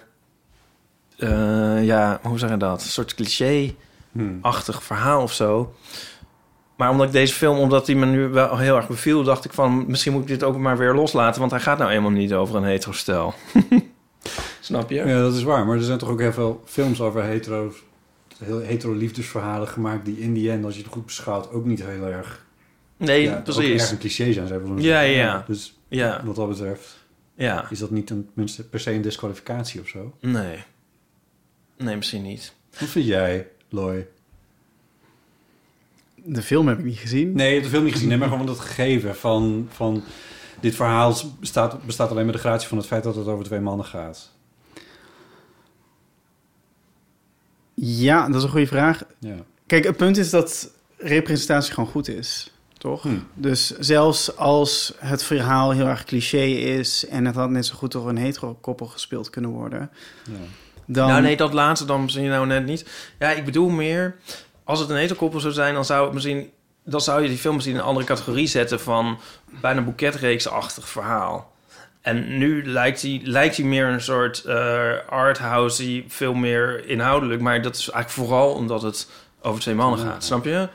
Hij, hij, hij lijkt, als je je voorstelt van het was met een hetero-koppel... dan, dan zou, je, zou je de film volgens mij als platter gaan zien. Maar dat is misschien een soort op. Ja, ik, maar dat, tegelijk, dat is dus iets wat in mijn hoofd zit, maar wat ik niet zeker weet of het ook wel echt waar is. En dat is wel interessant. Wat je heel erg ziet in de gesprekken over queer media, is dat queer media moet altijd excellent zijn. Er is heel weinig representatie, dus als er een, een queer film is of een queer boek, dan, dan moet het goed zijn en dan moet het literair zijn. Terwijl heel veel verhalen over Ja. hetero's zijn zo oerzaai en zo slecht. En eigenlijk moeten we tot een punt komen van representatie... waarin queer verhalen ook gewoon oerzaai en verschrikkelijk slecht mogen zijn. Ja. Zodat er niet te veel nou ja, druk op Ja. staat om de juiste representatie te zijn. Ja, ja, ja. Nou ja. Ik, ja, nou en saai en slecht is niet eens, maar ik bedoel, laat ik het dan nog weer anders zeggen. Met een hetero-koppel zou ik er niet heen zijn gegaan. Ja, en we moeten dus tot een punt komen waar je zegt van... ja, zo'n film, ook met homokoppels, is het Dat niet voor mij. niet. Ja, maar ik wil dus toch zeggen, ik wil hem toch tippen, want ik vond hem dus mooi. Ja, Nee, nee, het is nu een heel verwarrend verhaal. maar ik vond hem mooi. Ik vond het een mooie film. Ding. Mooi. Ja, dat is fijn. Ik ben ook echt nieuwsgierig geworden. En jouw, jouw eh, Jim Parsons? Yes? Jim? Jim Parsons, ja. Ja, ik vond hem heel erg leuk spelen. Oké, nou, dat is mooi. Nu ben ik kwijt wat ik zou zeggen. Oh, sorry. Nee, ja, wel. De vraag meer of meer van... Raakte, je het, raakte de film jou dan ook wel echt meer om, om puur omdat het een homostel was? Nou, ik ging mee in... Ik vind hem een leuk karakter, want hij is een beetje... Het is iemand... Hij zit niet lekker in zijn vel en hij heeft een beetje een laag zelfbeeld, zeg maar. En hij is, het is een neuroot en er zit een heel grappige scène in... eh, dat zal ik dan niet spoileren, maar hij, heeft een, hij, verzam, hij is een verzamelaar eh, van iets heel grappigs. En daar kan ik me ook mee identificeren. Het is een typisch... ehm, dat is ook iemand die misschien niet per se gerepresenteerd wordt vaak als een hoofdpersoon in zo'n soort productie. Ah ja. Dus dat, daar kun je heel erg in meegaan, vind ik. Als, het is niet een soort, soort Hollywood-held. Dat was in The Big Bang Theory eigenlijk ook een beetje ja, ja. ja. Dus dat, dat is heel aangenaam. En, maar wat dan weer een ander ding wat wel in mijn hoofd zat, is een beetje een soort het idee van eh, all gays must die. Ja. Weet je wel, dat is dan. ja. dat, is, dat vind ik dan wel erg moeilijk. Ik had misschien de film dan liever. Maar goed, het is een, ah, het is Dit, biografisch. dit is niet wat je vindt, hè, maar dit is een fenomeen wat we vaak ja, zien. een fenomeen in ja, films. nee, zo van, oké, ja, een precies. homo in. Nou, die Dit- gaat dan dit- dood dit- natuurlijk. dit- Want die ja. moeten tragisch zijn. Ja, precies, ja. En, eh, maar ja, dit is nou eenmaal een waar gebeurd verhaal. Dus ehm, ik bedoel, ik had liever gezien dat, dat ze nog lang en gelukkig leefden ook. Dus dat was echt een heel slechte film geworden waarschijnlijk. Ja, Ja, ik ben gewoon heel romanticus Ja. ben ik. Ja, maar goed, ik ga, ga nog één keer zeggen, dus om, omdat ik het nu zelf toch een verwarrend verhaal vind, maar ik vond het dus een mooi film en eh, jij moet ook zeker gaan. Ja. En jij Het- ook, denk ik. Nou, dan ga ik. Ja, leuk. Ja, Eh, het draait binnenkort neem ik aan. Ik bedoel, Hij draait nu. Hij draait nu. Ah, kijk. Ja. Nou, wat goed. Ehm, zullen we nog eventjes één eh, mailtje wat we binnen hebben gekregen Ja, leuk. eh, doen? We hebben een vaste luisteraar uit Leeuwarden. Mhm. Dat is Geeske. En die eh, schrijft ons op de enige regelmaat updates over haar leven. En dat vinden we heel gezellig. Eh Leven Freunen, dat is lieve vrienden in het Fries. Eh, hierbij even een update van jullie vriendinnen uit Leeuwarden. Vriendinnen uit Leeuwarden. En nu hou ik op. Fijn dat het zo Is dat goed... echt vriendinnen? Dat is het Vriendinnen is vriendin. Deze vervoeging. Vriendinnen, ja. Oh ja, oké. Ja. Vervoeging, ja. Eh, fijn dat het zo goed met jullie gaat. Ipe heerlijk uitgerust terug van vakantie. Dat en is Botte alweer over, hoor. klinkt ook heel vrolijk en zwelgt natuurlijk nog in de complimenten die hij kreeg voor zijn haar. Nou, ik ben blij dat dat zo klinkt door de microfoon allemaal. Want het is, ja, precies. Jezus, welke zak, nu kan ik er niet meer uitknippen. ik had ook zo'n gestippeld jasje aan moeten trekken. Dat was ook geen probleem geweest. Fuck sake. Goed, ehm, hier inmiddels ook alles weer gezond en fit. Die vervelende corona-bug had me toch weer te pakken, maar er gelukkig niet zo ziek van geweest als de vorige keer. Alleen was ik ontzettend moe en gewoon bek af als ik hier de trap opliep, wat weer niet zo handig is als je op de eerste etage woont. Maar zoals gezegd, gaat het nu weer goed. Ik... Ik, Kees op de eerste etage. zij woont op de eerste etage. Eh, eh, Ik zie altijd een soort tuin voor me. Ja, dat hebben ze volgens mij ook. Ik ben een keer bij haar geweest. Oh. Maar zij, zij wonen zeg maar boven de... Ja, hoe ze, dus, dus gewoon hun woonkamer is op de eerste etage. Oh, ja. zo. Dus ze hebben gewoon een compleet huis. Drive-in woning. Ja, er is een garage onder. Ja, maar of daar nou een auto in stond, dat ben ik even kwijt. nou, dit moest ze ons nog maar eens een keertje uitleggen. Maar ze wonen er boven in ieder Moet er geval. een keer heen Ze op excursie Zo'n dan- mooi uitzicht over, de, over, de, over een gedeelte van Leeuwardenvelden, zou ik zeggen. Maar het is volgens mij niet echt het geval. Nou ja, goed. Anyway, waar waren we? Ehm, Zoals gezegd gaat het ik ben, ja, ik ben heel erg toe aan lekker zonnig weer. Ja, Ja. wij ook natuurlijk. Voor deze week heb ik me voorgenomen om de film van Aaron te bezoeken. Die draait in Slieker. Dat zijn filmzalen die onderdak hebben in het Fries Museum. Ik ben heel benieuwd hoe de belangstelling hier in Friesland zal zijn. Aan de recensies zal het niet liggen, die waren goed. Nog een vraag aan Ipe. Ken jij het nummer Ghosts Again van Depeche Mode? Ik hoorde het op de radio en ik dacht... Wow, het is Bob Dorian gelukt om op de playlist te komen. Oftewel, ik vond vooral de manier van zingen erg op elkaar lijken. Liefs en tjus, Geeske. Tjus is niet Fries. Dat is iets Ipe Duits, ja. Ja, dat is een soort van Duits. Nee, nooit van gehoord. nee, grapje. Nou, natuurlijk ken ik dat. Eh, ja, nee, dat ken ik. Ja. Het is een grote inspiratiebron voor Pop Dorian ook. Nou, nee, want het is net... Het is, eh, hoe oud is dat nummer nu? Een maand of anderhalf of zo? Oh, dit is van die nieuwe plaat van Ja. Oké. Ja. Ja, nee, ja. Een heel leuk nummer. Ik weet niet of het de zang nou per se op elkaar vindt lijken. Maar misschien Nee, ja, een beetje. Geeske dus wel. Ja. Maar iets anders is dat die nieuwe plaat van Depeche Mode dus op de radio wordt gedraaid. Of misschien Ja. was het Geeske's persoonlijke radio. Die Depeche Mode speelde ook op het Italiaanse Songfestival. Ja. Ja, op eh, Sanremo. Ja. ja. Oh, het Italiaan... Wacht, wat is dat? Dat is het festival, het jaarlijkse Italiaanse Songfestival... waar de Eurovisie-inzending van Italië wordt Oh, oké. gekozen. Oh, en daar hadden zij dan een Daar hadden ze als special guest hadden ze Ja. eh, Depeche Ah, Mode. Oké. Ah, En- Ben jij ook into die, eh, Tuurlijk. die- de, de Britpop? Nou, dan... Nou, ja. Nee, Britpop. Vooral Ja. 80s, 80s new Onder. Britpop verstaan, ja. dingen. sorry, Onder. Britpop verstaan je Oasis en Blur. Sweet. Oh, sorry. Maar heb jij gelezen wie er optreedt? Oh my god. Op het Eurovisie Songfestival. Nog niet. Voor het eerst sinds 19 pakweg 86. Hij- Zitten jullie Grace stevig Jones. op jullie... het is in Liverpool. The Beatles.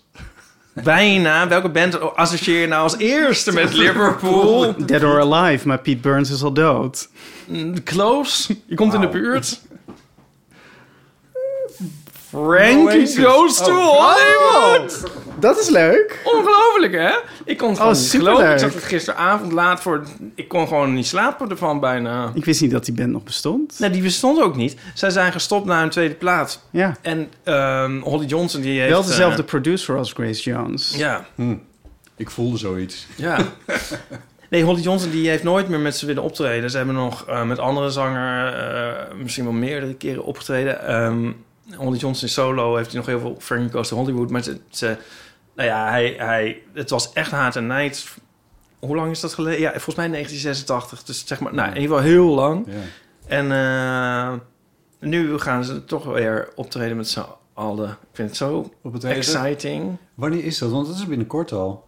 13 mei is de finale. 13 mei? 13 mei. Oh ja. Ja. Leuk. Ja, Ja. gaaf hè? Ja. Dit is leuk hè? Ja, is een heel leuk. gefeliciteerd Ja. of zo. Ja, ik bedoel... Ja, Holly Johnson heeft ook ooit een eh, bio- bio- autobiografie geschreven. Heeft volgens mij in de, met de, dit heb ik volgens mij al verteld. Eh, hij, ehm, hij had toen de diagnose eh, HIV en hij verwachtte te overlijden en hij heeft een soort tell-all boek geschreven. Maar hij is toen niet overleden. en, ehm, ja. Dat zal je ook overkomen. zeg. Ja, en dat heeft het eh, dat is dan ook wel eh, heel lang onmogelijk gemaakt, denk ik, om nog op te treden met zijn bandleden. Want die, zijn, die krijgen echt ongenadig van langs. Ik denk trouwens dat hij ook niet een heel makkelijke man is, maar goed. Ehm, maar dat is dan nu eh, vergeven en vergeten misschien. Of, of heel veel geld, maakt niet uit. Nee. Ja, Is het ook in Liverpool trouwens? Want het is... Ja, ja. Ah, oké. Ja, ja. Nee, want het, Oekraïne heeft natuurlijk gewonnen vorig jaar, maar dat kan daar Ja. natuurlijk niet. Onverdiend. Onverdiend. Oh, controversial Hot take. opinion alert. Wie had moeten winnen? Ehm, ik vond Spanje heel leuk. Maar eh, uiteindelijk, volgens mij was het Letland of Estland, een van die Baltische staten, had een hele leuke vrouwelijke zangeres. Je, je moet Ipe hierbij aankijken. Nou, Ik- ik- weet je wat het erg is bij mij? Ik heb er geen geheugen voor. Oh. Ik kijk Ja. het, ik vind het fantastisch. Volgende dag ben ik het kwijt. Hm. Ik ben niet zo Edward van de Vendel-achtig. En nu kijk je toch vooral voor Frankie Goes Nu kijk ik voor. Frankie. nou, ik vond vorig jaar kon het niet al. Het was natuurlijk politieke keuze voor, voor Oekraïne. Ja, Ja. Ja. kon dan niet anders. Maar dan vraag ik me af, ja, die oorlog is nog bezig. Oeh, trigger warning, spoiler alert. Maar ja, gaan ze dan net zo lang winnen tot het bezig? Ja, hoe moet dat nou? Het is- het is zeg maar spoiler alert en trigger warnings geef je in principe Ja, vooraf. weet ik. Ja, was Nee, een soort... Ja.